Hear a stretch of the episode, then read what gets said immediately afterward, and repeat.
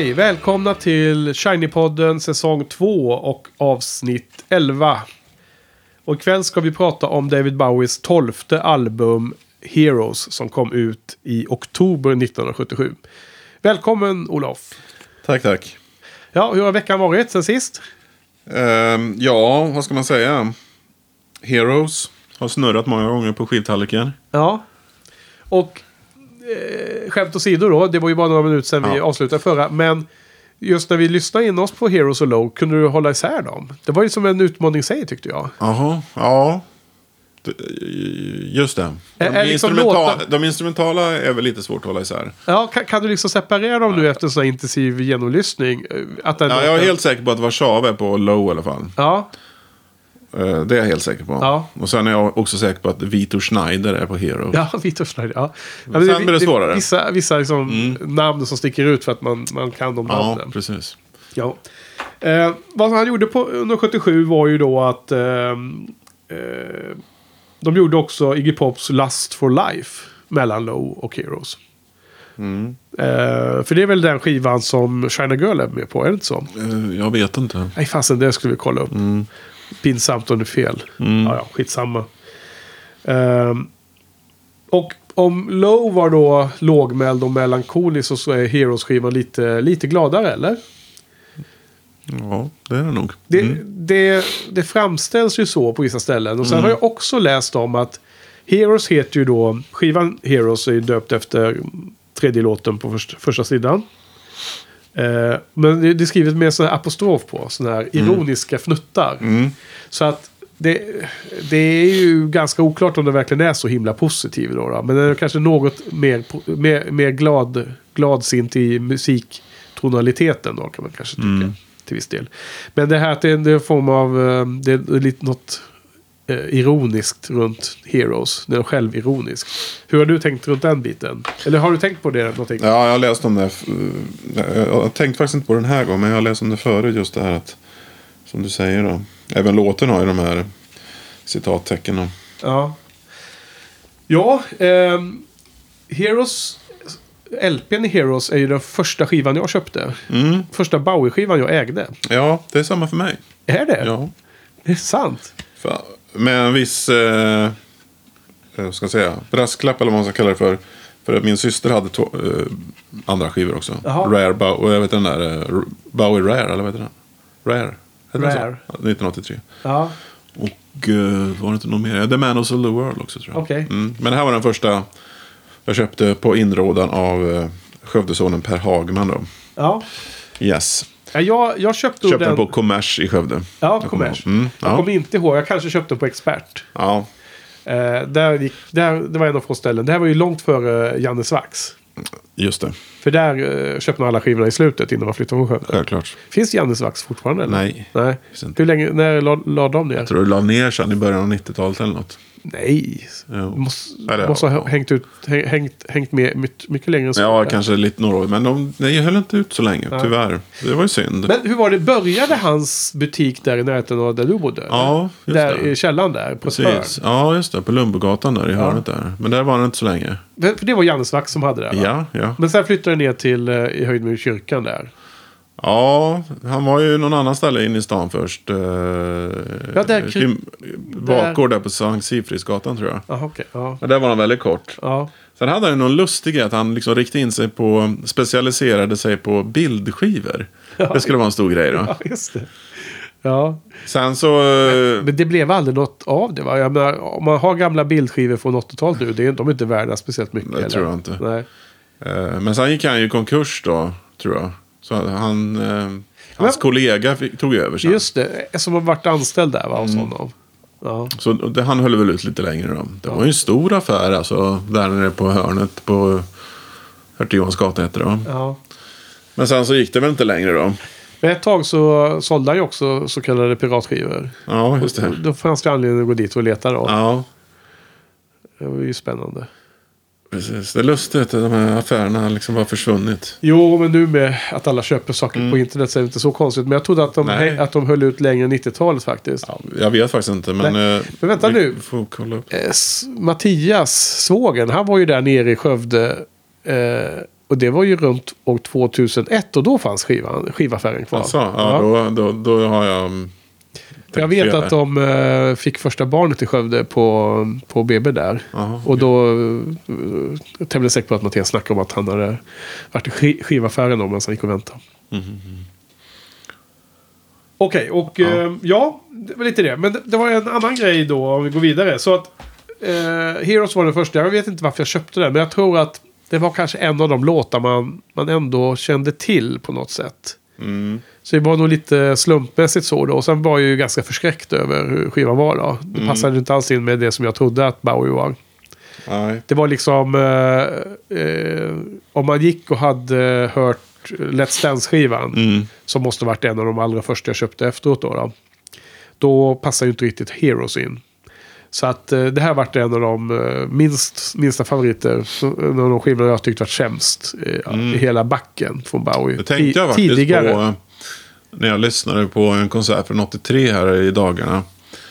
Eh, att publiken då, han, han fick ju säkert mycket publik på Let's Dance. På den, Ja, och det var ju liksom en dansskiva då. ja. Jag undrar liksom hur publiken tog de här, för det var ju en del obskyra låtar han spelade Ja. på den turnén. Så. Jo. Men eh, jag vet inte, de verkar klappa, klappa med de flesta låtarna ändå. Men om du lyssnar på, om man, man tar ljudet ifrån den här live-DVDn, Serious Moonlight som släpptes. Den fanns på VHS först och så släpptes på DVD någon gång på 2000-talet. Då har de ju mixat upp ljudet och så där, så det behöver inte säga så mycket egentligen. Men, men du kanske lyssnar på andra Ja, taper. precis. Jag vet inte, alltså. Eh, vi kan ju ta det med direkt. Det kanske hör mer till låten Heroes. Men den var ju... Den var ju inte jätteuppmärksammad i början. Och eh, det jag har läst om att den blev ikonisk för Bowie och hans fans. Från och med Live Aid som du nämnde. Att den spelades på när vi pratade om det för förra veckan. När vi nämnde Live Aid. Mm. Eh, så att både på 78-turnén och 83-turnén spelas den ju väldigt tidigt i, i konserterna, eller hur? Mm, 78 var det andra låten, var det inte det? Ja, just det. Och på 83 var den också i första halvan i alla fall. Ja, det var nog an, andra eller tredje låten också. Mm. Så att de var liksom... Han har nog gillat låten, men det var nog bara... Eh, ja, den var liksom en vanlig låt då. Och sen så blev den ju riktigt tung. För sen är det ju en typisk mer så extra nummer och så kan man tänka sig. Senare turnéer. Mm. Så det var lite så att den, den har väl utvecklats under åren så att säga. Det blir det vad den är. Eh, här är det lite lustigt om man tar en eh, nörderigrej då. Eh, vänta, ska lyfta fram. Den här eh, stora boxen då. då. Dyr så fan är den ju. Eh, a New Career in a New Town som vi nämnde förra veckan. Eh, här har de ju då lyckats fucka upp eh, Heroes på den remastern som kom med boxen. Mm. Så skivan Heroes, på låten Heroes så blir det en ljudvolymsförändring mitt i låten. Vilket är ju extremt irriterande. För Ja. lyssnar man på en sån sån skavank för, oft, för ofta så kommer man, kommer man ju minnas den hela tiden. Oavsett om den finns där eller inte i framtiden så kommer man ju Mm. sitta och vänta på den här. Att den ändrar. Och det var någon form av defekt på originaltejpen som de... Skivbolaget har ju skickat ut en förklaring. Mm. Och liksom sagt att vi gjorde korrekt för det här var mest likt så som originaltejpen lät. Men alla andra säger att, alla liksom, eh, publiken, fansen säger att det här låter ju absurt. Så här, så här kan det inte vara liksom. Så nu har eh, ju, om det är EMI eller vilka nu som släppt det här, har ju gått ut med att man, eh, man får ju mejla in och så ska de skicka ut ersättningsskivor. Mhm. Så jag har jag har gjort då, då, jag köpte den här någon gång i vintras och eh, det har inte kommit ännu men jag hoppas den dyker upp vad det lider. Eh, Mm, fixa det till det. Fixa till det. Ja, de har fått eh, göra om den då. Eh, Så att det liksom... eh, Jag kommer inte ihåg alla detaljer. Man, man får söka fram det på internet och så får man läsa det, den, den tekniska utredningen. Varför det blev som det blev. Eh, eh, Skivbolaget trodde väl att de var mest liksom... De skulle inte påverka någonting. De skulle vara, det skulle vara så himla transparent som möjligt liksom, eh, ljudmässigt. Men om slutresultatet blir mycket sämre än de tidigare remaster och folk inte vill lyssna på låten. Då, då är det ju kast liksom. Mm. Nej, Nej, du? titta? Ja. Ja, men det är ju stort. Ja, men en stor grej. erkänna misstaget där och skivbolaget. Ja, det var tydligen också massor med jidder om Lodger som vi ska prata om nästa vecka. Och där hade skivbolaget sagt att de, de hade gjort rätt då, så den, den ersätts inte liksom. Jag kommer inte ens ihåg exakt om det var, vad det var för kritik den gången. Eh, och på, i boxen finns ju två versioner av Lodger. Dels den ursprungliga eh, remas, eller så mixen eh, remastered, men sen också en ny mix då. då. Mm. Ja. ja. Av Visconti tror jag för övrigt. Eh, Ja. Eh, vad är det mer då man kan säga om eh, generellt om skivan? Eh, för, förutom att den, om vi repeterar då från förra veckan, det är lite mer lättillgängliga låtar i någon mening med sång på första sidan och så är det då eh, mestadels eh, instrumentalt på andra sidan. Fast de faktiskt har en eh, låt med eh, vanlig sång på allra sista låten på andra sidan. Så att det blir som totalt antalet är inte lik, eh, antalet instrumentala inte lika mycket på den skivan. Men eh, har de mer av generella? Nej, det är väl det att den är väl lite mer lättillgänglig då. Även på sida A som, så är det ju helt vanliga låtar kan man ju säga. Där Load och även där hade ju instrumentala, även fast det var liksom vanlig musik eller vad man ska kalla det för. Eh, inte liksom avantgarde musik. Ja, avantgarde, det är bra. Eh, ja, så att eh, Va, va, lite mer. Vad kan man säga om omslaget då? Ja, Du- ska vi ta du- omslaget? Du, du Ja. sitter och håller i det. Ja, ja, här är det ju ett F, här har man ju tänkt till lite då. Har man? Omslag. Ja, det måste man ha gjort. Ja, men han sitter där i någon eh, sån här eh, svart läderjacka. Ja, det är Bom- lite- Bomberjacket. Ja, lite tyst Ja. sådär. Deutsche style. Han, han ser ganska äcklig ut. Ja, ja men han, han har ju någon pose där. Ja.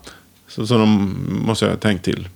Han, han är liksom smal med stora händer ser det ut som. Ja, ja. Hela kroppen. Men man ser bara huvudet. Nästan. ja men det är ett, ett ja, mycket bra omslag.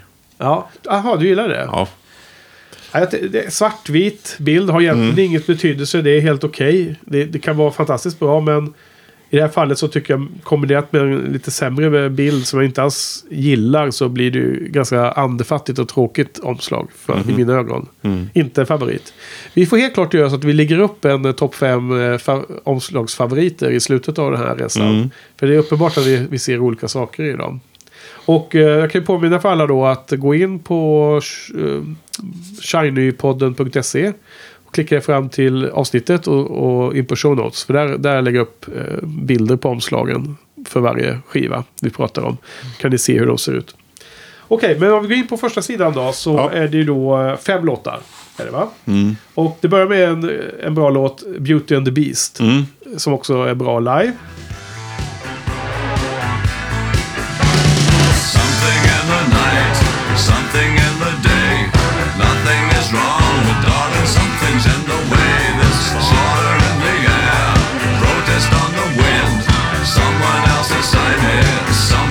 Someone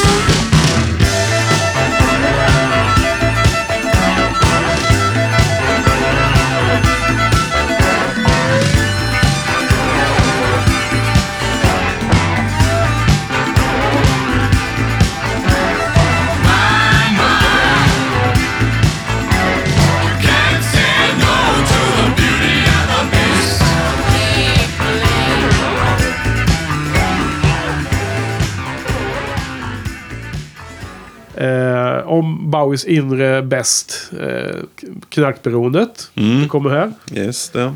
Eh, och eh, aggressivt bra, bra sång. eh, Bra live känns det som att den skulle kunna vara. Eller vara. Mm. Vad tycker du om låten? Ja, eh, jättebra. Fyra av fem. Om man ska sätta betyg. Jag gillar eh, den här, jag tror det är en kvinna som sjunger backing vocals. Okej.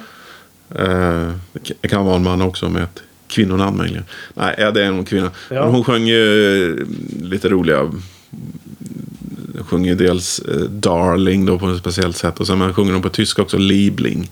Ja, men det är, nog Anto- det är nog den här Antonia Mass. Ja, det måste ju vara hon. Som eh, Tony Visconti har en affär med under den här inspelningen. Jaha, intressant. Det, det kommer jag berätta lite mer om. Ja, angående Heroes va? Ja, precis. Ja. Jaha, okej. Då fick inte jag berätta. Jo, men Ja. jag bara undrar. Ja, ja. Nyfiken. Det är klart du ska berätta.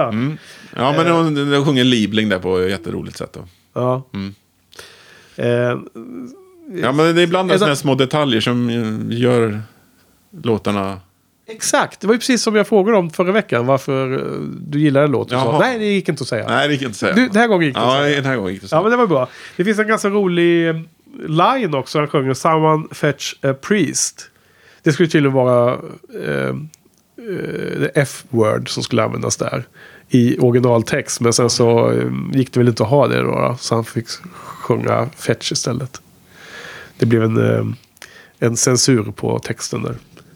En annan liten rolig grej är att ehm, live då, som du var Ja, inne på. ja. Så sjunger han ju, det är en line som är, nu vet jag inte var den går original på låten, men Jo, that, that's, that's my kind of horror tror jag den går. Ja. Att linen är på skivan. Eh, Okej. Men på live sjunger han That's my kind of Bowie. Jaha. That's my kind of Bowie gone wrong tror jag han sjunger. Okej. Jag kanske blandar ihop det, men live sjunger han i alla fall That's Ja. my kind of Bowie. Så han Men, aldrig men är det liksom självreflekterande då under, under hans eh, knarkande då eller? Typ så. Ja. Ja, det skulle nog passa in. Mm. Ja, men jag tycker eh, om man jämför med Low så är den här helt klart bättre än den här första låten. Men däremot om man går in på andra låten så går det ju åt fel håll då. då. Eh, På Low hade ju en bättre låt tyckte jag, nummer två. Men här är det ju en jävligt jobbig låt. Kanske skivans jobbigaste låt då. då. Den heter Joe the Lion. Va, va, vad tycker du om den då? Ja, men den, eh, jag har också tyckt att den inte var något bra, men jag tycker den är ganska okej nu. Ja, du, den har vuxit för dig. Ja, Här är det alkoholismen det handlar om då. då. Eh, det, det är ingen favorit av, för mig, måste jag säga. nej. Den är eh, gnällig i sången och så. Mm. Ja, du verkar uh, fundera på något. Jag bara försöker fundera på vad jag har skrivit här. Um, jag hade ju skrivit en no- not här. Ta på läsglasögon och läsa de här små Ja. hieroglyferna Ja, men det där. var ju bland annat, den här var ju...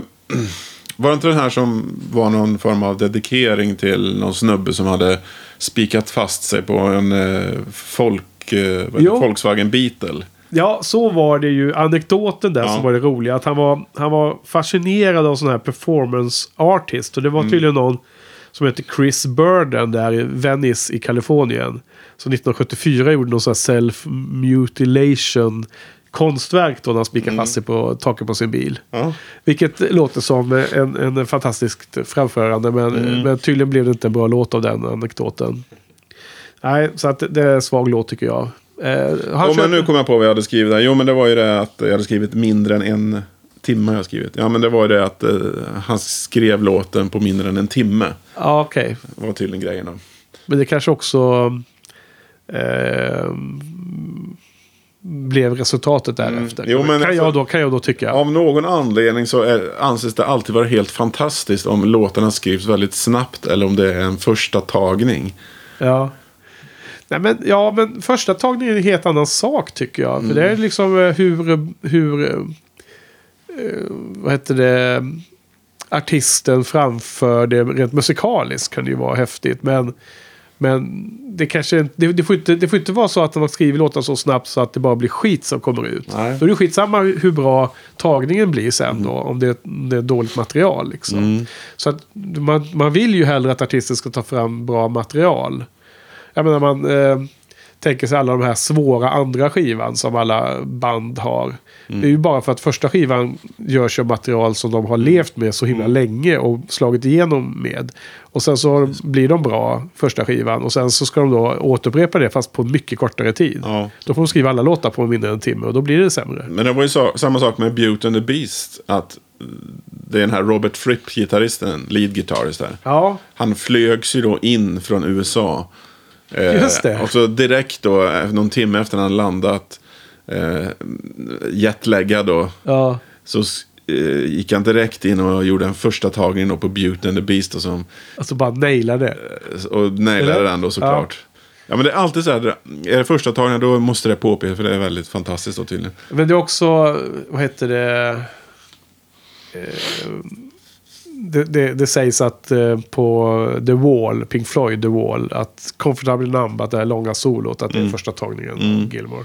Jag tror många gånger är det struntprat, att det är inte första tagningen. Nej. Just när det gäller Bowie så verkar det som att eh, hans skivor spelades in under ganska kort tid. Ja. Jag vet inte hur det är med de här, men... Men alltså jag, de- jag, jag är inte säker på att det är så mycket struntprat. För jag kan tänka mig att eh, det är liksom som att all, all fokus sätts på den första tagningen. Och då Mm. koncentrerar sig artisten mycket mer.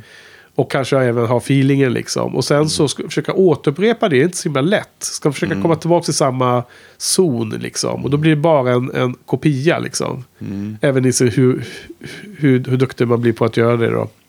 Ja, jag vet inte jag. Ehm, ja, nej men. eh, Ja. Sen så kommer vi i alla fall in på tredje låten.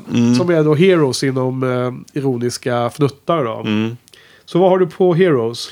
Ja, det var ju det jag skulle få berätta om eh, Tony Viscontis eh, affär där då. Ja. Älskarinna. Han var Ja. ju gift vid den här tidpunkten. Ja. Det hindrar honom ju inte då att ha en affär med... Men, men han var ju, han skilde sig från henne ganska kort efter det. Så det var upp, upp, upp. Jaha, okej. Upphällningen. Ja, det kanske var så. Men, men i alla fall. Så um, då skulle ju... ja, i Heroes så är det ju ett par som står vid vä- muren. Ja. eh, Berlinmuren. Och Ja. då skulle det tydligen vara Tony Visconti och hans Hon, sångerskan där. sångerskan då som stod där och Som Antonia. eh, ja, grejade dem. Men tydligen hade ju Bowie och någon annan i studion tittat på dem. Mm. Och blivit inspirerade av Ja. bilden. precis. Ehm, Men han, han fick ju hävda då att det var ju inte dem utan det var ju något annat ja, precis. Men generellt par. Liksom. jag tror att Bowie har sagt att han sa aldrig vem det var. Nej. För att han ville ju inte outa Nej, precis. Visconti. Men sen senare när, det, när de var skilda och så, så hade han sagt vem det var. Mm. Så fattar jag anekdoten där. Ja, det har jag fattat den exakt samma som du. Sen, sen så, Så det är hade, säkerligen korrekt. Men sen har också Bowie sagt att det fanns andra inspirationskällor Mm. till den här musiken. Att, eh, han har sett, de gick tydligen mycket på konstmuseer och sånt i Berlin under den här eran. Och då finns det tydligen en, eh, en bild på ett kyssande par mellan två murar. Som Mm. en tavla. Som, och den tavlan i sig symboliserar murarna världskrigen då. Och den lilla tiden emellan som folk hade liksom möjlighet att leva normalt.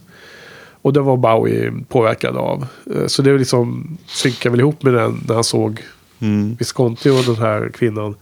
Sen det andra var ju någonting om eh, eh, att han hade läst en, en bok, en roman som jag förstår, som handlar om en italiensk soldat som har en affär med en etiopisk kvinna under andra världskriget. Mhm.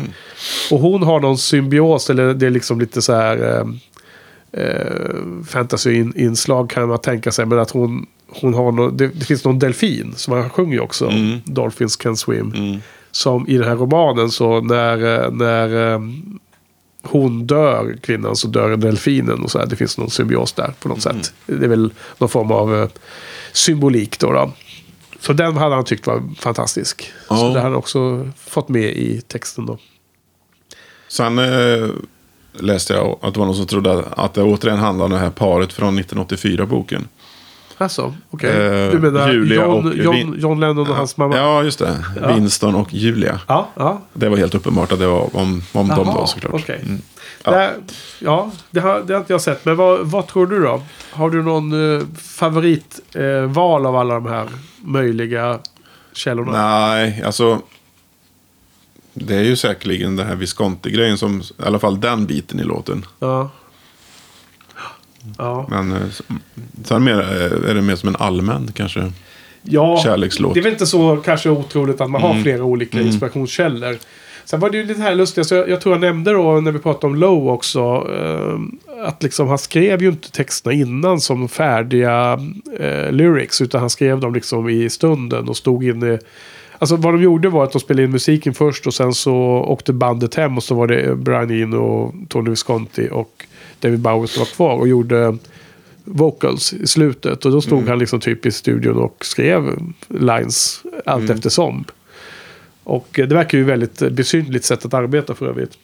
Men alltså jag tycker ju, för mig har alltid den här låten varit, han, liksom, det har alltid varit det här Berlin, mur, öst och Att, Ja. Typ att de bor i, varsin del typ. Ja. Ja. men liksom hela den här grejen så att säga. Ja. Med muren där. Så det är väldigt, en ganska stark låt tycker jag på det sättet. Att, Ja, alltså Mm. för mig är det en, en sådär otroligt ikonisk låt Mm. som jag har nämnt flera gånger. Och eh, den är ju så värd fem av fem för Mm. dess plats i Bowies liksom, eh, historik och Mm. som fan. Men det är nästan en låt som jag har eh, tröttnat på eftersom Mm. den har hörts för många gånger.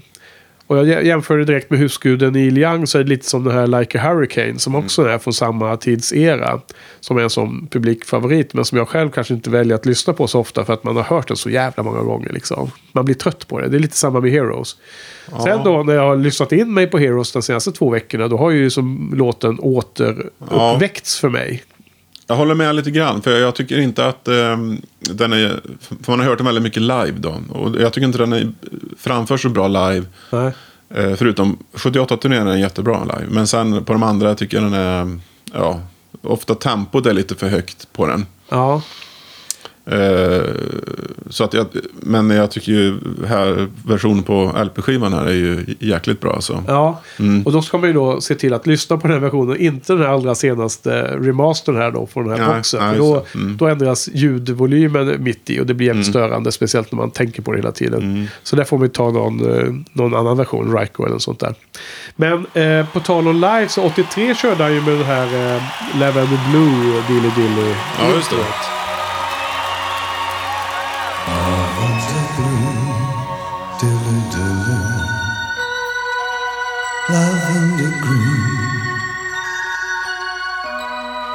I will be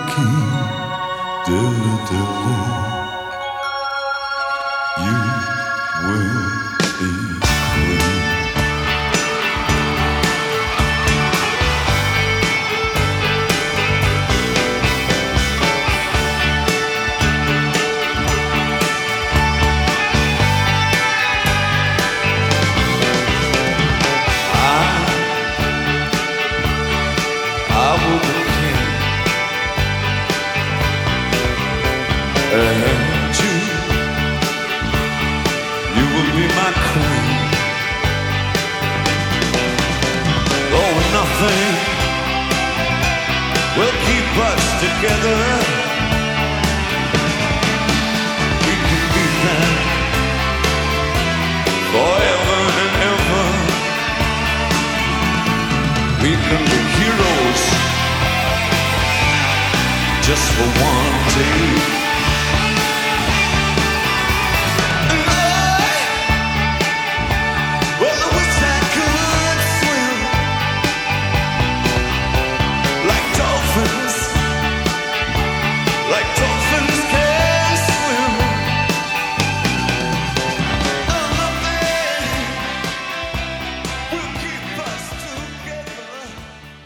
Ganska härlig intro tycker jag.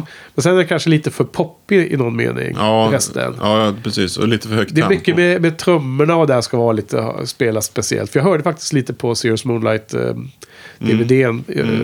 eh, i ljud i min mobil idag på jobbet. Så råkade jag höra den här där.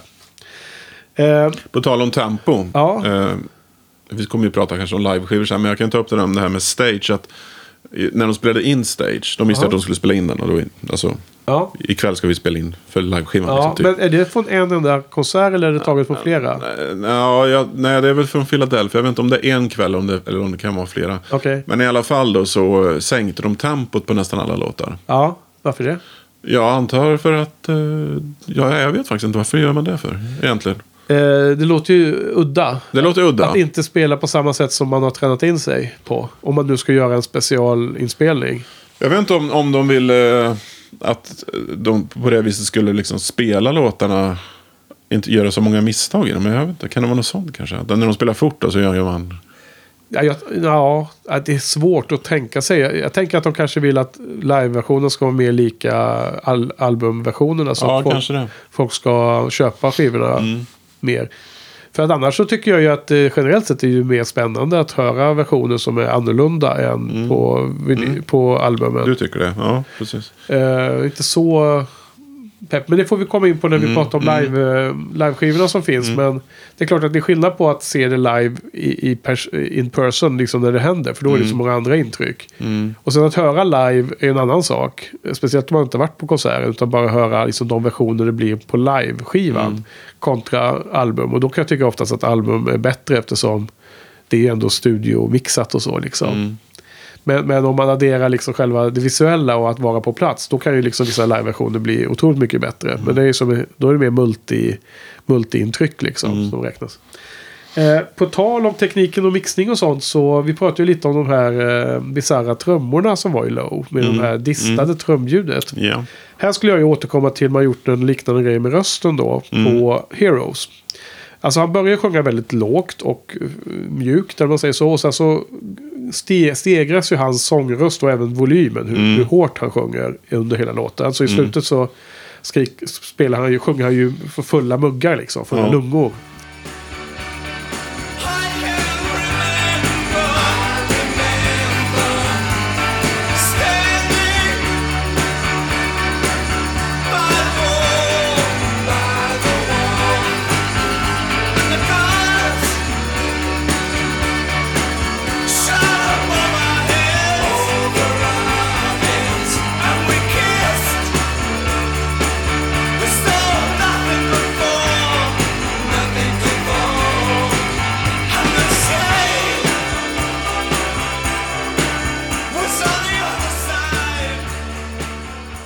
Och då hade ju Tony Visconti bara hittat på en grej där då. Han hade ju tre mickar.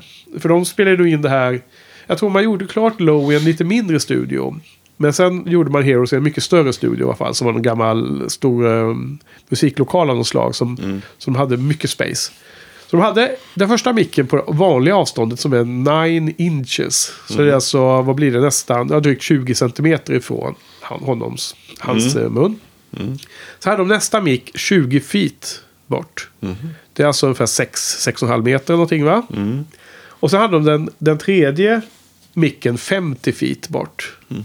Vad blir det då? Det blir... eh, ja, det blir 17 meter kanske. Ja, något sånt där. Ja.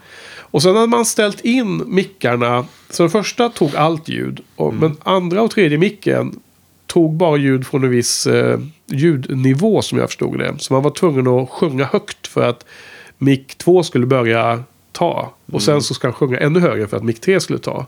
Och så här är det här lilla, lilla eh, tidsdifferensen gör väl att eh, det blir annorlunda än om man bara skulle spela in allting på samma avstånd. Eh, jag, jag har svårt att veta exakt liksom, så här, hur det här är. Då, då. Men det här har beskrivits då, jag har läst om det i, i den här boken. Och eh, det låter lite fantastiskt. Ja, ja. Eh. Det, det fantastisk performance. Som, eh, Ja, som verkar, jag läste någonstans att dagens artister, det de vill liksom, de försöker efterlikna det här. ja, Men misslyckas då givetvis. ja själva Bowie sång- sjunger kläderna av dem, eller Ja. jag läste. För då, då vet på SVT och finns på SVT Play så finns det här programmet eh, Hitlåtens historia tror jag det heter. Har du sett något av dem eller? Ja, det har jag gjort. Det är lustigt, man kan se Alphavilles Forever Young Ja. har jag sett. Och även den här Broder Daniel Shoreline och jag såg den nyligen. Och lite andra så. Har du sett något som är värt att nämna? Så- Aha, kanske? Ta- Take On Me? nej. Eh, ja, jag har sett flera sådana här One Hit Wonders-låtar. Liksom. Ja, ja. För att då har tydligen BBC gjort 2016. För, ja, för förra året blir det ju nu då. Som vi är inne i 2018 redan. Som heter Music Moguls. Och det är tre delar. Där andra delen så eh, går Tony Visconti igenom och liksom eh, strippar Heroes. Visar lager på lager, allt vad de har gjort. Och jag kommer klippa in i show notes den lilla teasern på en minut som är från det avsnittet. Det är ju inte hela avsnittet, utan det är bara lite, lite. Men det är, det är Tony Visconti, så får man se honom i studion. Och sen så spelar han Bowies refrängsång helt, helt strippat. Bara det. Ehm, Bowie och eh, Tony Visconti själv sjunger ju backing vocals. Och det låter väldigt, väldigt annorlunda. Alltså när man inte hör musiken och allt det där runt. Det är liksom, eh, tala om att vara naken och utlämnad till, man måste sjunga rätt liksom. Ja. Väldigt intressant. Jag har inte sett det där avsnittet än. Det är ingenting du har sett. Nej. Förstår jag nu. För du Nej, ser, nej. ser eh, lite eh, ja, frågande ut. Ja, eller vad man säger. Ja. Eller att du inte känner igen det här. Va? Ja. Det verkar intressant. Jag skulle kolla på det. ja, det får jag nog kolla upp. Jag har inte gjort det till idag. Det var ju dumt. Skulle Ja. gjort kanske. Ja. Men det här läste jag på precis igår faktiskt. Så det är väl lite väl sent. Yes. Ja. Ja, och sen eh, vi pratade lite grann om, vi mejlade så att vi skulle börja prata om lite videos också, promotion-videos. ja, så var det det också. glömde jag ju i- under low. Promovideos ska vi ju Precis. prata om. Men eh, här skulle vi kunna ta upp det för att eh, Ja, ja. Do it. det har ju inte funnits så många kanske promo-videos innan. På hans, det har ju mest varit lite kanske sådana här där bandet står och spelar låten och mimar. Ja. Ja. Men eh, här finns det ju för Heroes då. Men du, ska vi, ska vi dra för alla? Vet alla om vad promovideos är? Ja, alltså, jag vet inte. En video. Ja, men alltså... En del har ju växt upp med MTV. Det är ju Mm. det är musikvideos. Ja, musikvideos, precis. och, och det här är väl det som vi pratar om. Men förr i tiden så var det liksom, då fanns det ingen tv-kanal som visade musikvideos 24 timmar om dygnet. Mm. Nej. Eller vad man nu gör på MTV. Så där var det ju liksom, det var en liten annorlunda grej då. Redan på Beatles tid fanns det ju promovideos. Mm. Och tidiga Pink Floyd och allt vad det är. Och det användes ju någon form av promotional syfte mycket mer än att, än att en musikvideo av modern snitt är ju som en eget konstverk tycker jag. Mm. Liksom, det är som en, en eh, version av låten. Men med eh, flera, alltså med bild också. Med, med rörliga bilder. Promovideos är lite av en annorlunda slag tycker jag i någon mening. Kan du inte hålla med om det eller? Förstår du, förstår du jag är ute och syftar, vad jag, vad jag tänker på liksom? Att, jag menar, det var inte så att man bara kunde hitta en promovideo om man ville det. Utan den, Nej, det nej. gick inte att få tag på liksom. Nej. Nu för tiden så, så är ju... Kan man hitta låten så kan man lätt hitta Mm. videon känns det som. Men, men så gick det då på olika program antar jag. Ungdomsprogram eller tv-shower som visade sånt då. De använde väl det för då, då, då slapp de ju... eh, jag vet att Beatles började med det för att då slapp de ju hålla på och åka runt och göra massa tv-inspelningar och skulle skicka runt de här videorna då. Ja. Promovideorna eh, runt hela världen liksom istället för att åka runt och... Men precis, och det var väl inte så här bara live-framträdanden som de stod och spelade singback eller playback. Utan det var de sprang omkring på en äng och sådana saker. Ja, och precis. Det blev, liksom. det blev ju mer och mer liksom avancerat då. Ja. Ju senare det blir. Ja, just det. Och det där utvecklades till de här Beatles-filmerna också. De här uh, Help och allt vad de heter. Absurda filmer, eller? Lite mer humor. Ja, lite med humor. Lite mer Monty Python över hela, eller? Ja, lite grann så. Okej, ja. åter till promovideos. Ja. Så, så du kom på det att, satan, vi har ju glömt att Ja, vi har glömt det. Jag, jag kom faktiskt på det när jag såg eh, promovideon för Be My Wife då, som är på Low. Ja, Där Bowie står i ganska lustigt film. Han står i någon stor lokal liksom. Fast man, man ser ingenting av lokalen utan det är ungefär som att han är i tomma intet ungefär. Ja. Och står och spelar med en elgitarr och mimar. Okej. Och så har han, jag tror han är läppstift och sådär. Så att, ja, lite roligt ser han ut. Han ser lite sjuklig ut ibland tycker jag. Ja. Så även där. Eh, Efter att du eh, poängterar den här Mm. missen så har jag ju varit inne i show notes och adderat promotional Mm. videos till de tidigare eh, avsnitten. Jag kommer lägga in det för alla skivor. Mm. Så jag har redan hittat två versioner för Space Oddity-låten. Mm. Och så de ligger där nu på det. Redan. Och det avsnittet kommer ju förut ut snart. För nu, Mm. nu, är, precis, nu är vi precis i... I vår verkliga tid så är vi nu i den veckan där vi ska releasa, eller jag säga, släppa, publicera heter det, eh, första avsnittet på podden. Mm. Och sen på andra skivan så var det All the Mad Men. Som hade ingen riktig promotion video. Men det fanns någon som kändes eh, ja, halv official liksom. Så jag, jag klippte in den. Och sen har jag inte kommit längre. Jag får, jag får komplettera upp den här innan de Det avsnitten finns ju en släpps. officiell dubbel-DVD med... Ja, men det har jag. Ja, Ja, jag vet inte vad det den heter de- men... Ja, men den heter ju Best of Bowie. Jaha, det är så den heter. Eh, och på eh, skiva med eh, singelversionerna eller något liknande. Och så finns det DVD-version Mm. och då är det promo-videos eller vad det nu heter. Och den har ma- massor med lustigt live-material som extra material också. Det vet du ju Mm. Ja, men den kan man ju rekommendera faktiskt. Ja, den står här någonstans. Låt oss titta på den sen. Mm. Men du, eh, bra kommentar. Och, eh, Vi kommer alltså lägga in underst i show notes kommer det ligga de promovideos vi hittar. Så allt sånt där finns. För Heroes finns det ju en. Ja, Som, och, som, är ganska, som de spelas ganska ofta. ja, Och det är ju, det står han också helt själv. Ja. I ett, ett rum utan väggar liksom. Eller bara i någon... Men, men det, det, det får lyssnarna och titta på Mm. Ja. show notes. För där, Men nu har han klädd ungefär så här tror jag. Med en, med en eh, ja, det kanske skinn, återanvänder, svart skinnjacka. återanvänder den, Står de han där och elementen där. kråmar sig. Ja. Och åmar sig Eh, till Heroes. Mm. Ja, nej, men då får vi försöka. Jag har varit dålig på att kolla in på dem då. Så att vi får försöka förbättra oss. Eh, Mm. Ja. Det kommer.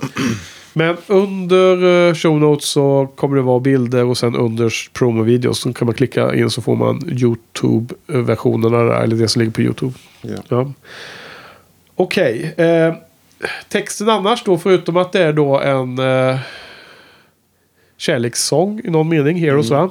Så är det ju också en ganska intressant koppling att Bowie tidigt då hade den där fascinationen för sådana här eh, übermänniskor liksom och The Superman och som var eh, eh, gudomliga och eh, aliens och sådär och kunde inte dö utan kunde bara liksom det, han hade ju sådana texter och det, det, det, fil- här, låten The Superman är en av dem. Men det fanns många andra låtar där från uh, Hunky Dory och Ziggy-eran och så.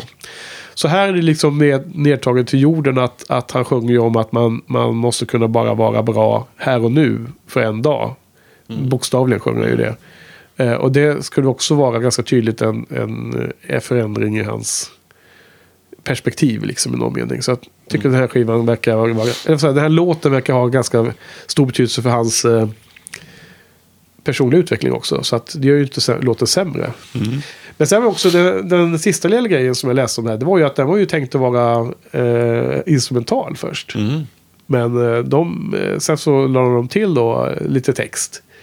Och eh, eh, original eh, notebooken då, då så, så satte han texten väldigt exakt. Det var, det var någon mening han skrev om då. Som han strök över och skrev om.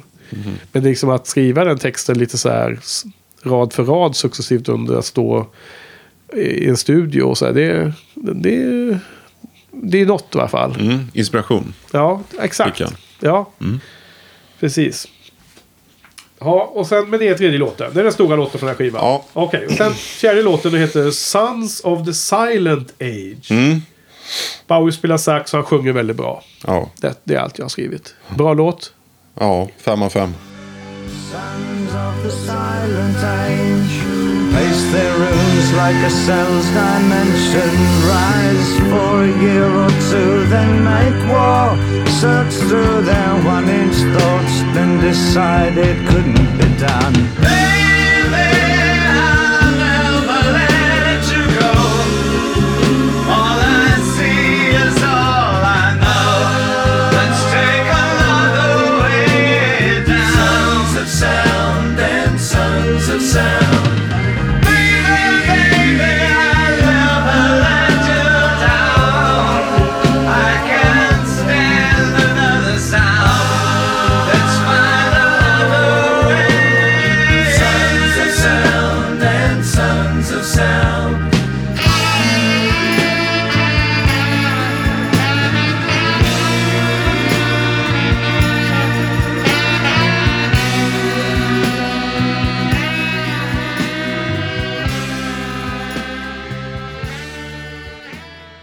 Fem av fem också. Är Heroes också fem av fem? Ja, självklart. Ja, självklart. Det, Okej. här- det här och Heroes är bästa Ja. låtarna. Ja. Jag håller med, han sjunger väldigt bra. Mm. Jag gillar det. Uh, tycker inte det låter lika bra som Heroes, men eh, den är positiv. Mm. positiv på den Det finns ju en fantastisk liveversion från 1987 också. Jaha, tror jag enda gången han har spelat den live. Okej. Finns den på... Mm. Finns ju på DVD där då. Vilken DVD? Eller var det en VHS kanske? Från... eh, Eller han. Glass Spider Ja. DVD. Ja, men det är på DVD har släppts nu också. Ja. Ja.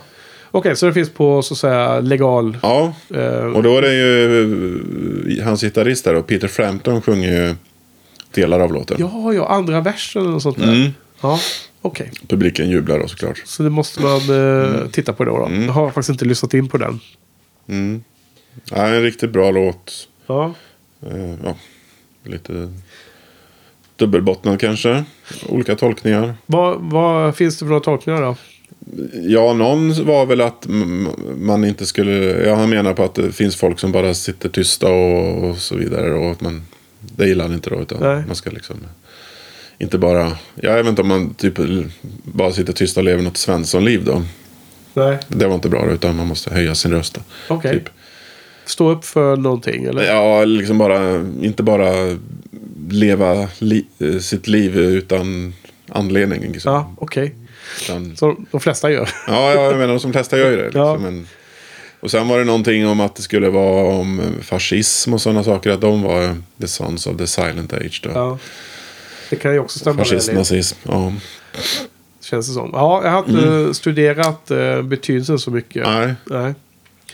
Eh, vi får hoppas att det klipps in lite då om du tyckte den var så bra. ja, det kommer det säkert göra. Det kommer det nog bli. Mm. Ja. Och eh, Bowie på sax där. Ja. Är det någonting du Ja, uppmärksammade? Tycker det var bra? ja, mycket bra. Ja. Mm. Och så sången då förstås. Något annat? Nej. Nej. Eh, sista låten på den här sidan är Black, Blackout. Mm. Som jag tycker är kanske lite svagare också. Just det. Eh, och där, där har jag sett eh, eventuella tolkningar. Bowie har själv sagt att det handlade om en... Eh, eh, alltså en power Mm, blackout i. Mm. i New York 1977. Som han rent, rent bokstavligen sjöng om. Men Mm. den andra tolkningen som jag tror är mer trolig är ju att eh, eh, han hade ju någon slags eh, kollaps under Low. Mm. Och det var som kom precis efter att Angela hade dykt upp och började härja där med honom. Mm. Och då hade det blivit något avbrott tror jag i inspelningen för att han var slut i nerverna. Mm. Alltså någon form av blackout han hade fått då. Och det känns ju som en kanske mer eh, närbesläktad förklaring. Sen Mm. kanske han inte alltid ville erkänna det. För att man får en känsla av att på båda skivorna så är texterna otroligt personliga. Mm. Det är min känsla. I de fall han sjunger någonting.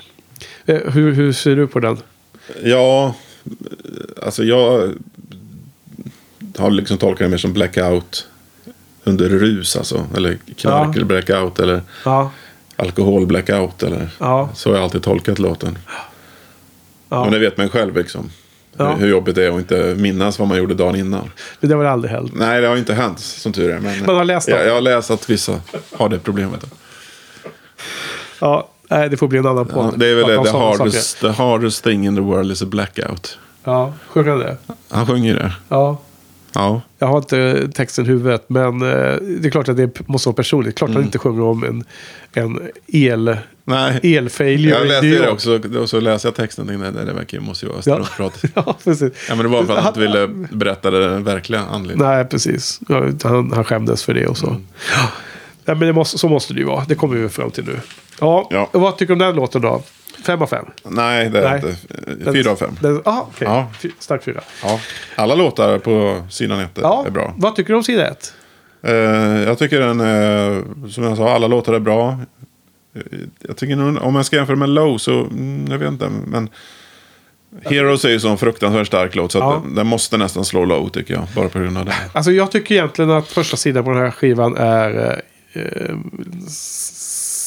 ungefär lika bra. Men snäppet lägre kanske. Lite Mm. på, det beror lite på hur mycket man tillåter Heroes dominera i sitt Mm, eget huvud.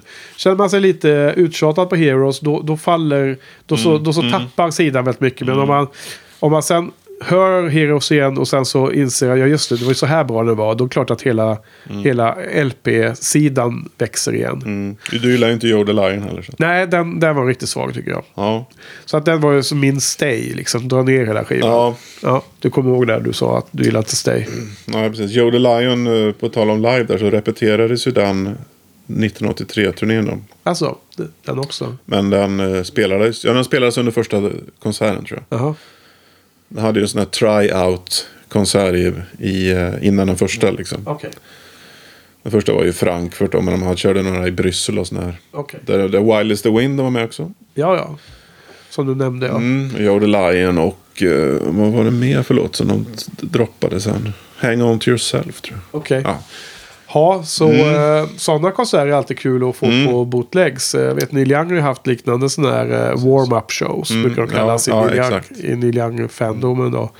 Och eh, 1990 gjorde Neil eh, eh, warm-up shows i Santa Cruz nära där han bor, där i norra Kalifornien, i november. Det finns en otroligt bra bootleg från den 13 november. Mm. Kommer ihåg datumet väl. Eh, efter eh, man har samlat och haft sig. Och sen då så bröt ju första Irakkriget ut. Mm. Så då la han om väldigt mycket setlist till att bli mer antikrigsorienterad. Mm. Så att den här warm-up show är ju liksom helt unika konserter från en turné som inte blev av liksom om man säger så. Mm. Bytte mycket av låtarna till andra och så blev det släpptes en liveplatta och så efter 91-turnén. Men det är liksom så, de låtarna, där på hösten 90 var det en annan setlist. Så det gör att de konserterna blir ännu mer spännande att lyssna på. Faktiskt. Det är något liknande här då, du har hört på Bryssel förstås. Yes. Ja, det kanske jag också har gjort förresten. Ja. Ja. Jag, tror inte det är så bra ljud på den tyvärr, men Nej. måste ändå lyssna på den. Ja, nej, men jag tycker att eh, sida A på de här två skivorna är likvärdiga. Mm. Då kommer vi in på sida B. Ja, Eh, här den har, är sida med instrumentala låtar då. ja, Fast det- inte lika mycket Nej, som precis. på Low. Eh, på Low fanns det ju fyra låtar, lite Ja. längre. Alla instrumentala. Här är det då fem låtar. Mm. Där de fyra första är till stor del instrumentala. Mm. Men den sista låten är med mycket text och så. Mm. Mm.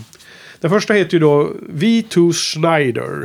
Och eh, där sjungs det ju en, en eh, refräng bara. Mm. Eh, och via en sån här vocoder. Låter som en sån här dataröst. Lite så som Kraftwerk hade på vissa skivor. Mm. Ehm, och den låten är eh, ah, okej, eller vad, vad, vad tycker du? Ja, den är en av de bättre av de här. Ja, alltså okej. Jag tycker att kanske flera av de andra är ännu starkare. Ja. Eh, Den är okej. ja, jag tycker den är okej. Inte sådär superbra, men...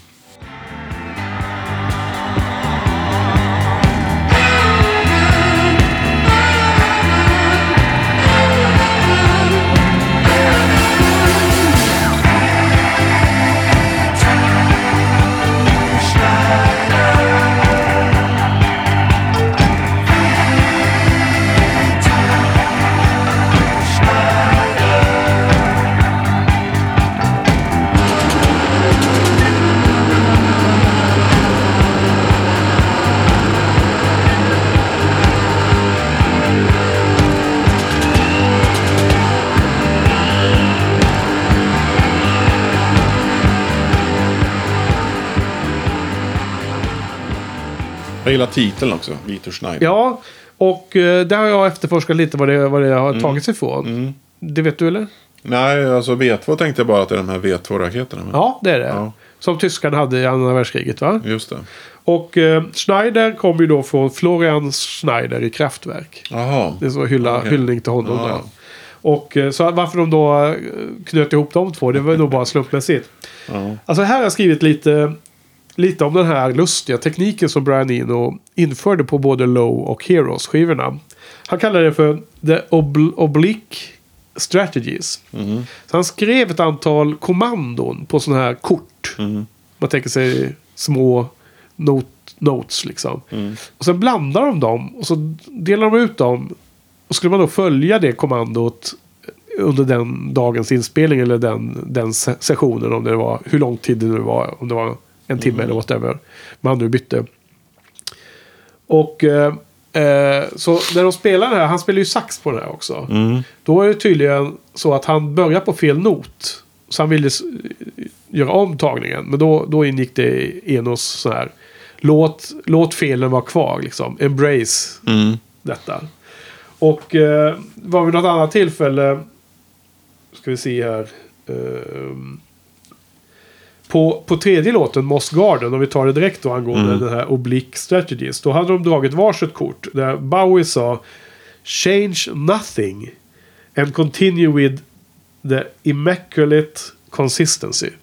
Och de här två går ju helt mot varandra liksom. Eh, Destroy everything mot Change nothing. Mm. Och, och under hela den sessionen så, så fick de kämpa med de här liksom eh, motstridiga sakerna då. Mhm. Eh, så jag kan tänka mig som ett trick att få en eh, kreativ eh, miljö. Kan det säkert vara intressant. Sen exakt om det, vad det resulterar i, det, det vet man inte. Men jag, ja. Mm. det var lite kul att läsa om det här. Va? Mm. Eh, ja, men det var första låten. Mm. Eh, andra heter ju Sense of Doubt. Mm. Väldigt skön låt. Väldigt mycket Brian Eno känns Mm. det som över den. Vad tycker du om den då? Mm. Eh, också typ 4 av 5. Spelades med på 78-turnén. Ja. Men den är mycket bättre på studioalbumet här va? Den vet jag inte. Ja, antagligen. Eh, men det är väl en av de bättre av de här instrumentala låtarna. Absolut. Men fyra pianotoner här. Igen. Och sen så här, eh, så här skrikande syntar. Mm. Eller nästan som en eh, så här... Man tänker sig en sån här kyrka med en stor orgel. Mm. Den, det ljudet känns det som. Eh, här är också en sån här oblique strategy som Eno hade, hade hittat på. Honor thy arrows for their hidden intentions. Gör man fel så kanske det finns en mening med det i botten. Ja. Mm. Mhm. Jag vet inte jag. Eh, det är i alla fall lustigt att läsa om. Eh, sen kommer den här tredje låten, heter Moss Garden. Eh, Mm. väldigt eh, influerad av eh, asiatiska influenser. Och han var ju tydligen fascinerad av så här, japanska trädgårdar. Jaha, Så att han... Eh, jag tror där han bodde i Berlin så hade han en innergård som han liksom eh, ville skulle bli, bli som en sån. Så här. Låta den växa upp till att bli någon sån trädgård. Han bodde tillsammans med Iggy Pop läste jag i två år i alla fall. Eller ett. 78, 78. eh, 77, 78. Okej. Ja, vad- ja, just det. För de, de spelade in den skivan Mm. och de var på turné och sånt. Mm. Ja. Polare. Mm. Ja. Vad tycker du om Moss Garden då? Det, det är ett snäpp neråt. Ja, lite, lite svagare. Men Ja. Igen hela den här sidan hänger ihop på något sätt. Som Mm. de eh, klassiska stycken där första och tredje satsen kanske är starkare Mm. i tempo och andra går ner i tempo. Så här. Och då får man leva med dem upp och ner. Eh, sen fjärde då heter ju Neukölln. Mm. Eh, och den, den tycker jag är riktigt nice. ja, det tycker jag också. Jag gillar... Alltså... Tänkte säga det länge nu men ehm, just titlarna på både Low... Så, låttitlarna på både Low och Heroes är jäkligt häftiga tycker jag. Ja. Alltså man har det här Always crashing in the same car, A new new- in a new town, Warszawa, Weeping Wall, eh, Sons of the Silent Age också, Vitor Schneider, liksom Neukölln. Det är som suggestiva. allihopa. Ja, Secret Life of Arabia. Man undrar vad, vad sjutton betyder de här låttitlarna egentligen? Tydligen är väl Neukölln inte så eh, långsökt. För det är tydligen ett område Ja, i Berlin. Det- med, exakt. Med mycket tyst, eh, såhär, turkiska invandrare Mm. som bodde där. Och hans ensamma sax mot de här eh, oppressive eh, synthesizers and bass Mm. var liksom de ensamheten för, för de här eh, turkarna i, omgivna av tyskar liksom. Mm. Eh, har det beskrivits som. Det här har väl det avlägsna saxljudet igen. Ja, det återkommer här, ja. Ja. Ja, precis. Ja, den är riktigt nice. Ja, Eh, och, och saxen används... Det här har jag helt glömt av. Det hade jag inte kunnat eh, föreställa mig innan nu vi lyssnade på Low och Heroes att det var så mycket med eh, saxofon. mm. Eh, och det här är en skiva som jag lyssnat på idag på lunchen. Och Mm. eh, då måste jag säga att liksom, det höjdes bara ett betyg bara idag. okej. Och det kändes som att den fortfarande skulle höjas om man lyssnar vidare. Så det är nästan en timingfråga här. Att, vi, Mm. att jag inte har lyssnat tillräckligt mycket på den här skivan. Mm. För jag, jag tyckte längre att den var klart sämre än Low. Men eh, det var bara för att jag lyssnade på Low lite före här under de här Mm. två senaste veckorna. Och så har jag lyssnat på Heroes lite mot slutet. Och den har bara liksom kommit ikapp helt och hållet. Eh, allra sista låten på den här sidan är ju då The Secret Life of Arabia. Mm. Med eh, vanlig, mer konventionell eh, Mm. låt. Med, med full, full sångtext och allting. Och på ett ställe så läste de att det här var den mest traditionella, mest konventionella låten på hela Berlin-trilogin. Sades det till och med. Ja. Även inklusive Lodger då, nästa veckas skiva. ja, det vet jag inte om jag håller med om. Nej, det var en åsikt. Här. Jag, Ja. jag vet inte. Ja, kanske. Vi får återkomma när vi har hört Lodger. Men bland de här två skivorna vi har pratat om Mm. hittills kan nog köpa det delvis. Mm. Eller? Ja, ja, jag tycker inte. Jag tycker den är ganska udda sådär också. Ja. Fem av fem för mig. Ja, Väldigt bra. Jag gillar, det är handklapp igen då. handklapp igen. Kraftig handklapp. Ja, absolut. Jag tycker den är superskön också. Eh, verkligen. Eh, men det var så hysteriskt roligt när jag läste om den här låten. Med tanke på att du under förra veckan, för att jämföra med tidseran 77 eller 76, så pratade du om om, Bowie hade gjort något disco-orienterat. Vilket vi inte tänker att han har gjort. Eller hur? Nej.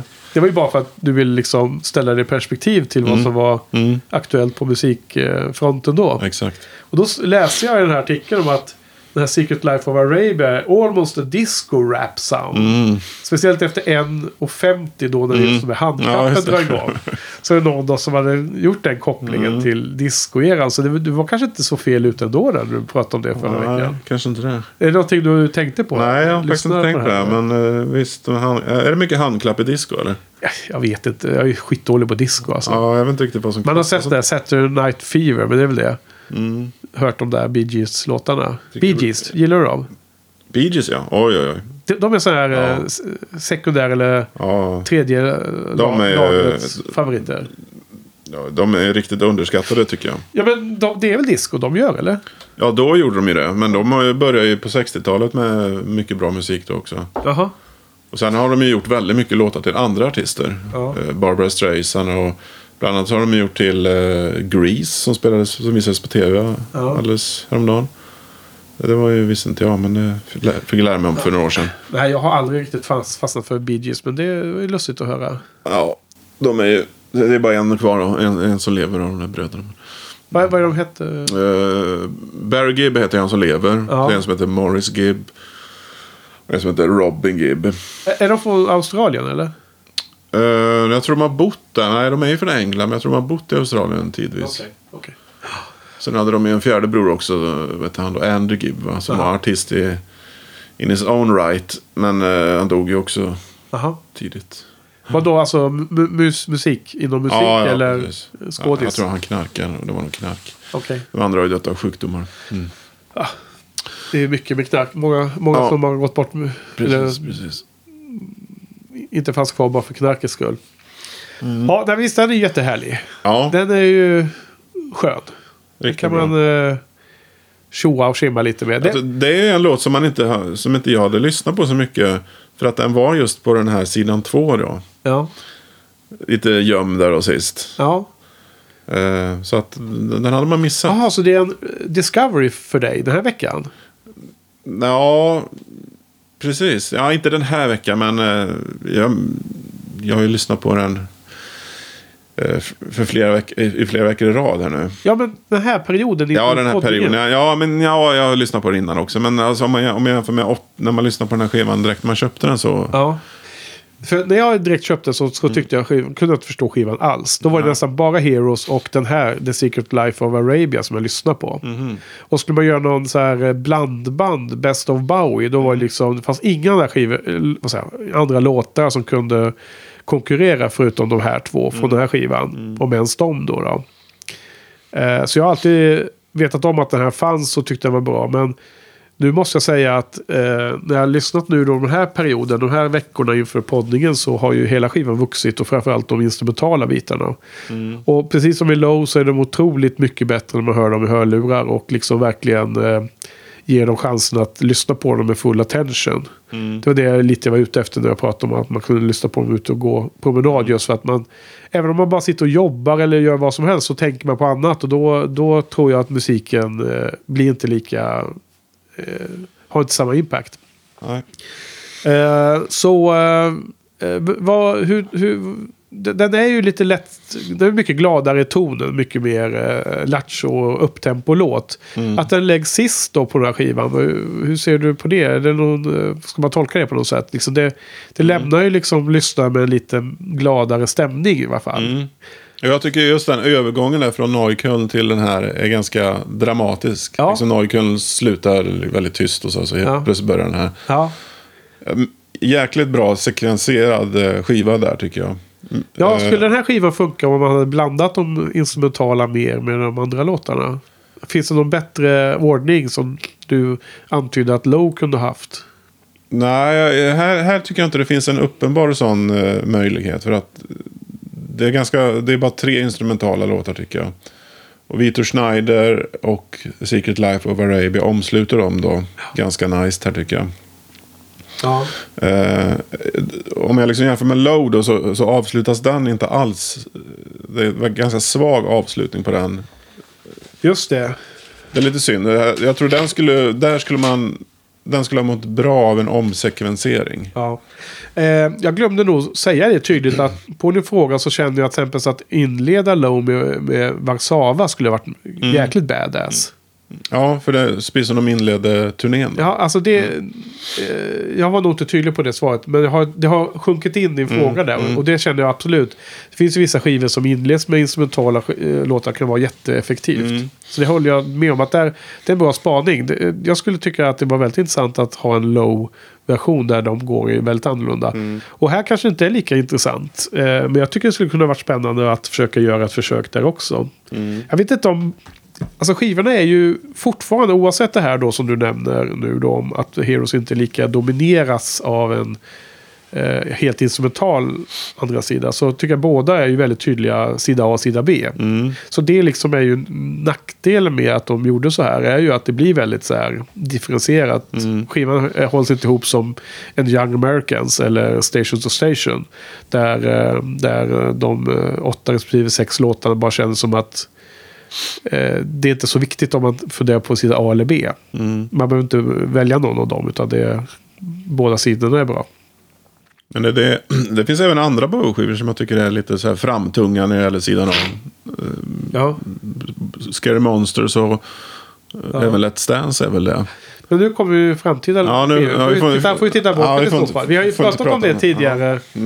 Sidan B av uh, Siggy och sidan A av Aladdin Insane och så Mm. har ju varit väldigt bra. Men det, ja, jag vet inte hur mycket som är slumpen eller om att det är en medveten toppning av dem. Mm. Jag vet faktiskt man kan, inte. Man kan fundera på det. Ja. Men, men eh, att eh, ordningen har betydelse tycker jag, är jag har en stark, eh, har, jag, har jag stark åsikt om att jag tror att det är så. Mm. Ja, Så absolut. att, att det på, skulle påverka, det tror jag absolut. Och det är ju svårt för oss då som har lyssnat in oss på de här skivorna sedan länge. Eh, Det hade inte hjälpt att ändra det inför de här senaste veckornas eh, inlyssning. Ja. Eh, Men att göra det testet på något sätt eh, och vara, o, eh, vara starta från reset. eh, på, det skulle ju varit intressant. Ha, hur är det med extra låtarna från den här skivan då? På right? Eh, ja, då finns det ju en instrumental som, eh, vad heter nu? Abdul Majid va? ja, Eller hur man uttalar det. och den är väl inte så himla bra va? Eh, nej, tre av fem har jag skrivit på den. Eh, den är okej liksom. Men... Den, den låten var med på den här uh, Philip Glass uh, symfoni nummer 4, Heroes. Då var den en och fyra segment. Mm. Ja. Sen finns ju någon ny mix av Joe Lion från 79 va? Ja, och den är ju ännu vidrigare än remixen av Sound of Vision. Jaha, okej. Har du hört på den eller? Ja. Ja, men den är ju jättekonstig. Det är väl någon slags uh, discoversion eller något sånt där. av Den. Jag kommer inte ihåg. Nej, nej, okej. Ingenting jag har tänkt på så mycket. Ja, Ehm, okej. Men vad är... eh, Det blir jättespännande att få höra här vad som är slut, bottom line. Vad är, vad är det för betyg du sätter? ja. Det blir en nia av tio igen. En 9 av 10? Ja. ja. Det, går, det kan inte bli tia tyvärr. Nej. Eh, nej men det låg i luften. Det känns som Ja. att eh, du har varit så positiv många låtar. Om någon skulle... Men du, vilket tycker du är starkast då? Om du bara skulle ranka Low och Heroes? Mm, det, är, det är nog så att jag tror Low är eh, en svag nia faktiskt. Heroes är inte stark men medel. Ja. Ja. Jag rankar alltså Heroes Ja. lite bättre, högre. Ja, och jag, jag skulle då säga mitt betyg och eh, du kanske kan förutspå vad det blir. Mm. Vad, är, vad då, då? Ja, det är en åtta. Nej, faktiskt inte. Nej. Jag sätter sju på den också. Jaha.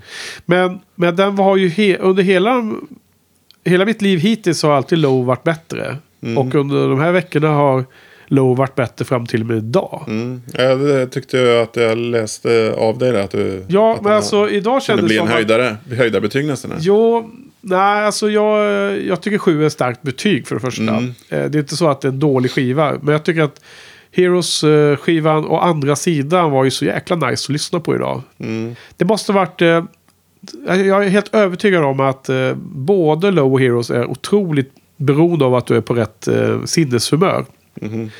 Eh, det är liksom eh, en viktig parameter här faktiskt i hur man lyssnar på den här skivan. Det är liksom inte alls som en skval poplåt som kan höras på Energy i bakgrunden på radion medan man sitter och jobbar liksom.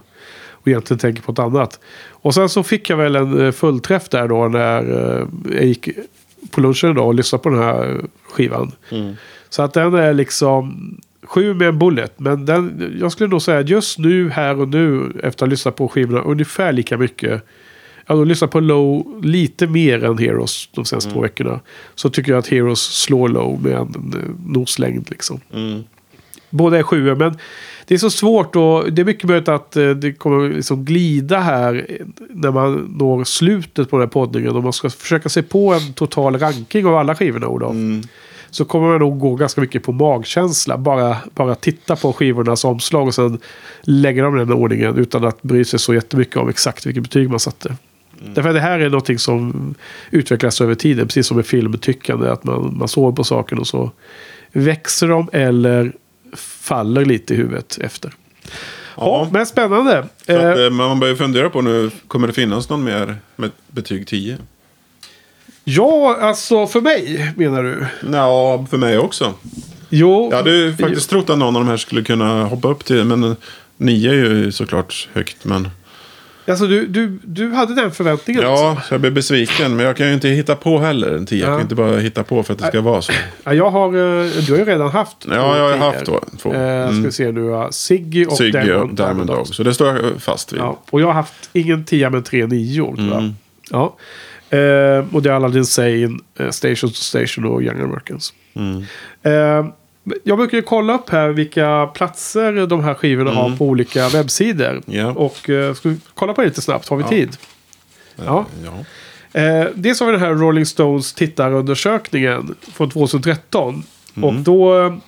Eh, först och främst kan jag säga att Low och Heroes, båda skivorna kommer på topp 10 på alla sajter jag har kollat. ja. Alltså förra veckan så nämnde jag att någon sajt hade Stations och Stations som plats 15 och sånt där. Och någon hade Stations och Station på plats 1 eller 2 eller vad det var.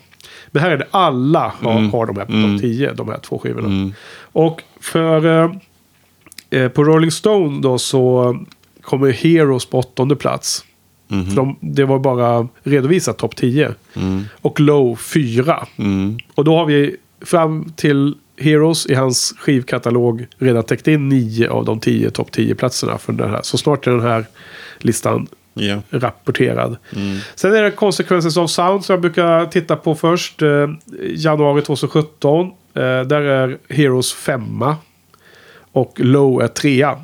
Så de hade då alltså Siggy som etta, Hunky Dory som tvåa och Low som trea. Sen Ultimate Classic Rock har då Heroes som femma. De hade ju då uh, Hunky Dory som tvåa och uh, Siggy som trea. Och de har Low som etta där då. Precis som den här Pitchfork som jag nämnde tidigare. Så där är Low en score en etta där då. Sen lite andra, sidor, lite andra webbsidor här. Och Heroes är trea och Low är etta på ett ställe.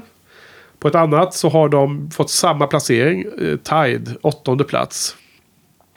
Eh, på ytterligare någon så Low tvåa bland alla Bowie-skivor och Heroes sjua. Och på den sista så är de fyra och femma.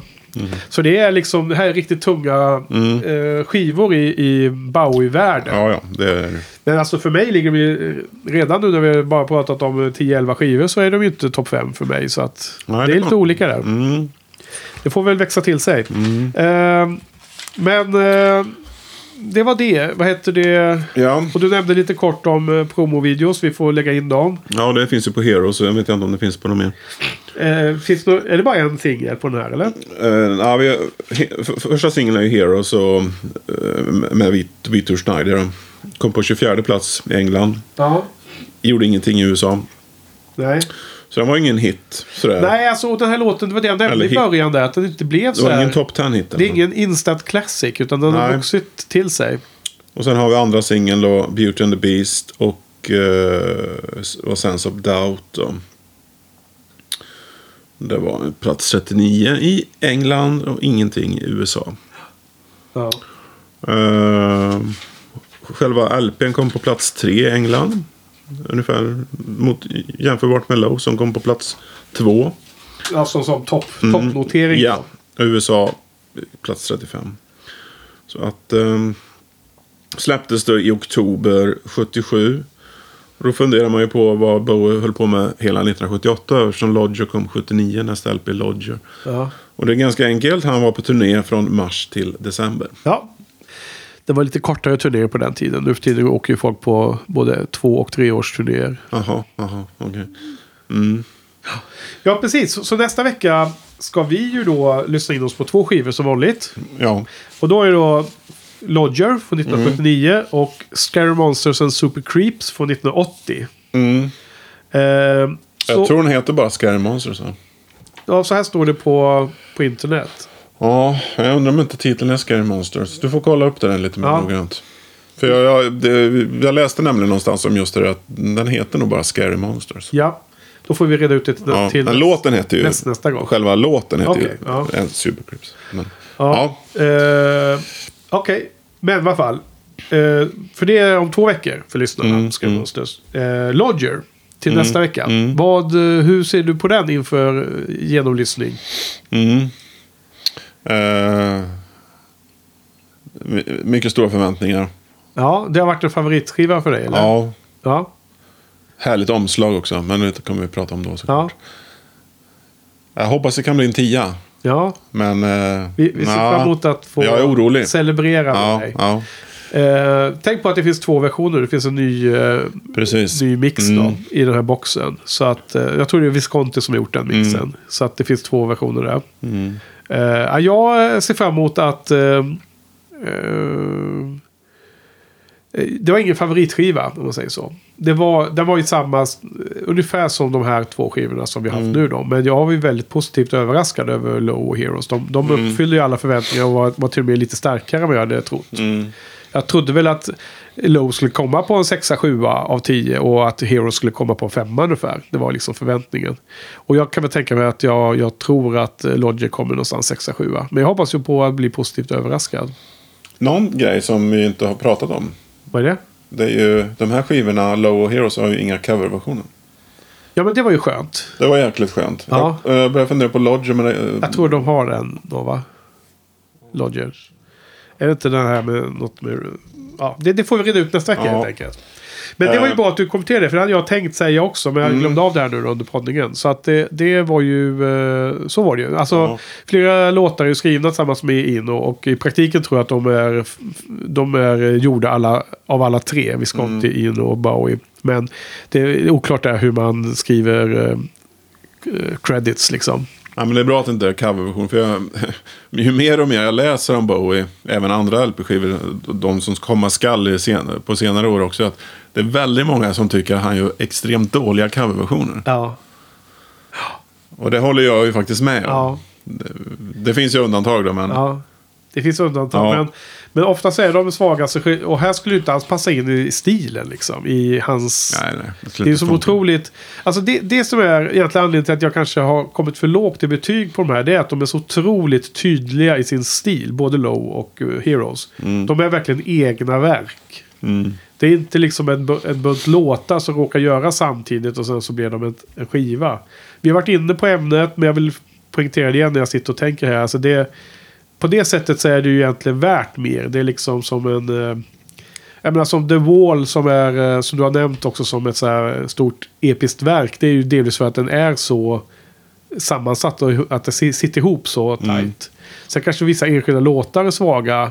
Kan man tycka eller inte då. då. Men, men liksom hela verket i sig kan alla kanske vara överens om är Mm. eh, en stor grej. Och det här är liknande, liknande sak på gång. att På något sätt känns det som att man nästan är i Berlin när man lyssnar på skivorna. Och det är liksom i min värld ganska remarkabelt hur, hur, hur eh, tydliga i, i sin... eh, De ger en sån sinnesintryck. Absolut, det håller jag helt med. Så jag kanske måste omvärdera det här. Jag får, jag får sova på saken i natt, Olof.